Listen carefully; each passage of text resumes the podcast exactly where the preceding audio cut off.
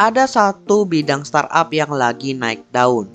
Nah, bidang itu adalah bidang parenting. Atau bisa dibilang startup di bidang orang tua dan anak.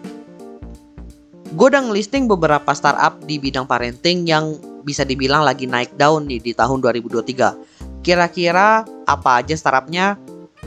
Terus pantengin opsinya podcast di episode kali ini. Di tahun 2023 ini ya, selain startup di bidang AI, ada bidang lain yang bisa dikatakan cukup underrated, yaitu bidang parenting. Startup-startup di bidang parenting ini tentunya menangani masalah-masalah di dalam keluarga, terutama di bagian orang tua dan juga anak. Jadi bisa dibilang skala keluarganya itu masih skala keluarga kecil, yaitu yang terdiri dari ibu, ayah, dan juga anaknya. Setelah gue riset lumayan lama, ternyata di bidang parenting ini bukan sekedar tentang pengasuhan anak aja, bukan. Ternyata jauh lebih luas. Dan startup-startup di sini tentunya punya spesialisasi mereka sendiri di bidang parenting.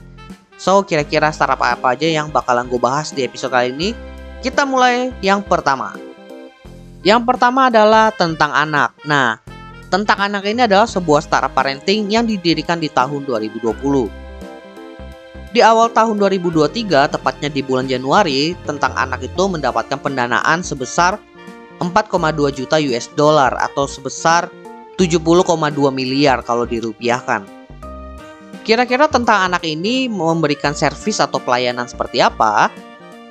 Startup ini memberikan pelayanan berupa aplikasi di mana orang tua itu dapat melacak pertumbuhan anak mulai dari ada kurva perkembangannya, kemudian ada jadwal imunisasi, dan masih banyak lain tentunya yang berhubungan dengan perkembangan anaknya. Selain itu, tentang anak juga menyediakan wadah edukasi untuk orang tua mengenai cara membesarkan anak, khususnya pada seribu hari pertama. Dan kalau gue coba cek nih di website mereka, mereka juga menerbitkan buku sendiri. Buku-bukunya setelah gue cek tentunya berhubungan dengan anak dan juga edukasi kepada anak. Buat yang tertarik bisa langsung cek websitenya itu di tentanganak.id. Lanjut, startup parenting yang kedua adalah Family. Tulisannya itu fami.li. F A M M I.li. Harus gue aja nih biar lebih jelas. Family ini adalah startup parenting yang berfokus pada edukasi dan juga konsultasi dalam mengasuh anak. Dan ternyata Star Family ini udah ada dari tahun 2015.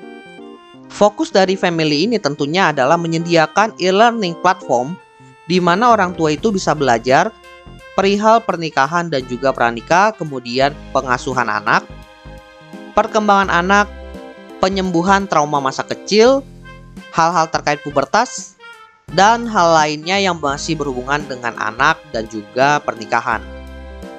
Kalau dilihat di websitenya itu mereka udah punya mobile apps juga bisa langsung kalian download di Play Store. Atau mungkin kalau kalian tertarik ingin ngecek dulu bisa buka websitenya di femi.li. M-nya dua ya. Selanjutnya, startup parenting yang ketiga adalah Parent Talk. Parent Talk ini ternyata juga startup parenting yang bergerak di bidang atau di sub bidang edukasi orang tua dan juga anak. Jadi nggak jauh berbeda dengan family. Tapi yang unik dari si Parent Talk ini adalah mereka itu menyediakan komunitas parenting untuk orang tua di Indonesia.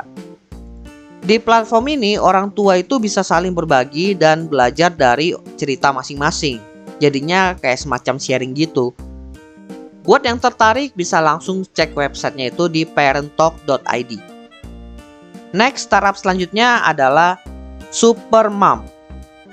Supermam ini adalah sebuah startup yang berambisi menjadi jejaring ibu terbesar di Indonesia.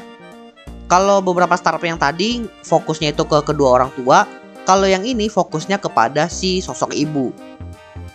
Selain sebagai jejaring untuk para ibu, Supermam juga adalah sebuah platform digital yang berbasis artificial intelligence atau AI yang bisa dipergunakan untuk mendapatkan produk terbaik dan termurah untuk kebutuhan ibu dan rumah tangganya.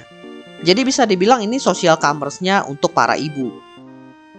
Kalau gue buka websitenya ini ada satu fitur yang cukup menarik ya, di mana dia itu bisa memberikan rekomendasi berdasarkan fase yang sedang dialami oleh si sosok ibu. Fase pertama itu fase kehamilan dan yang fase kedua adalah fase setelah melahirkan atau fase orang tua. Buat yang tertarik bisa langsung cek websitenya itu di welovesupermom.com. Lalu startup parenting terakhir yang akan gue bahas ini adalah Primaku. Yang unik dari startup Primaku ini ya ketimbang dibilang ke arah parenting, dia lebih ke arah kesehatan. Meskipun temanya itu masih tema tentang kesehatan anak. Startup Primaku ini didirikan atau diluncurkan itu di tahun 2017.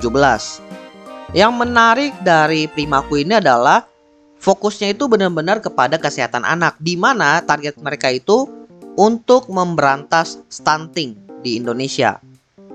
Kalau secara fitur ya, dia itu nggak jauh berbeda dengan tentang anak dan juga family jadi ada semacam edukasi terhadap orang tua terkait kesehatan anak dan juga gizinya. Lalu ada juga fitur pelacakan tumbuh kembang anak secara mandiri. Tapi ini lumayan align lah sama target mereka untuk memberantas stunting yang juga berhubungan dengan gizi anak. Dan untuk saat ini mereka itu sudah bermitra dengan Kementerian Kesehatan Republik Indonesia dan juga Ikatan Dokter Anak Indonesia. Buat yang tertarik bisa langsung cek websitenya di primaku.com. Oke, jadi itulah beberapa startup parenting yang lagi berkembang di tahun 2023.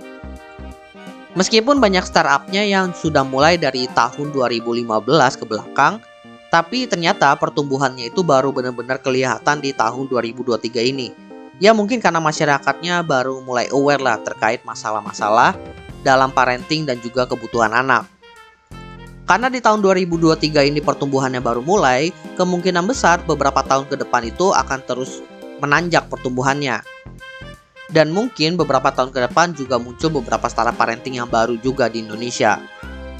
So, kita lihat aja beberapa tahun ke depan kira-kira bidang parenting di Indonesia ini bakalan berkembang seperti apa. Karena ini lumayan menarik loh. By the way teman-teman, jangan lupa follow Instagram dan juga akun TikTok Opsiana Podcast di @opsianamedia karena di sana akan ada konten-konten menarik dan juga yang bermanfaat buat teman-teman semuanya. Dan juga kalian akan mendapatkan update dari Opsiana Podcast kalau nantinya ada episode terbaru yang rilis. So, jangan sampai teman-teman ketinggalan sama update-nya.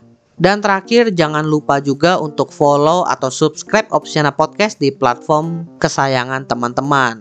Dan nantikan konten-konten menarik dari Opsiana Podcast nantinya di sana. Oke, okay, gua rasa itu aja. Thank you buat teman-teman yang sudah mendengarkan. See you next time di episode Opsiana Podcast lainnya.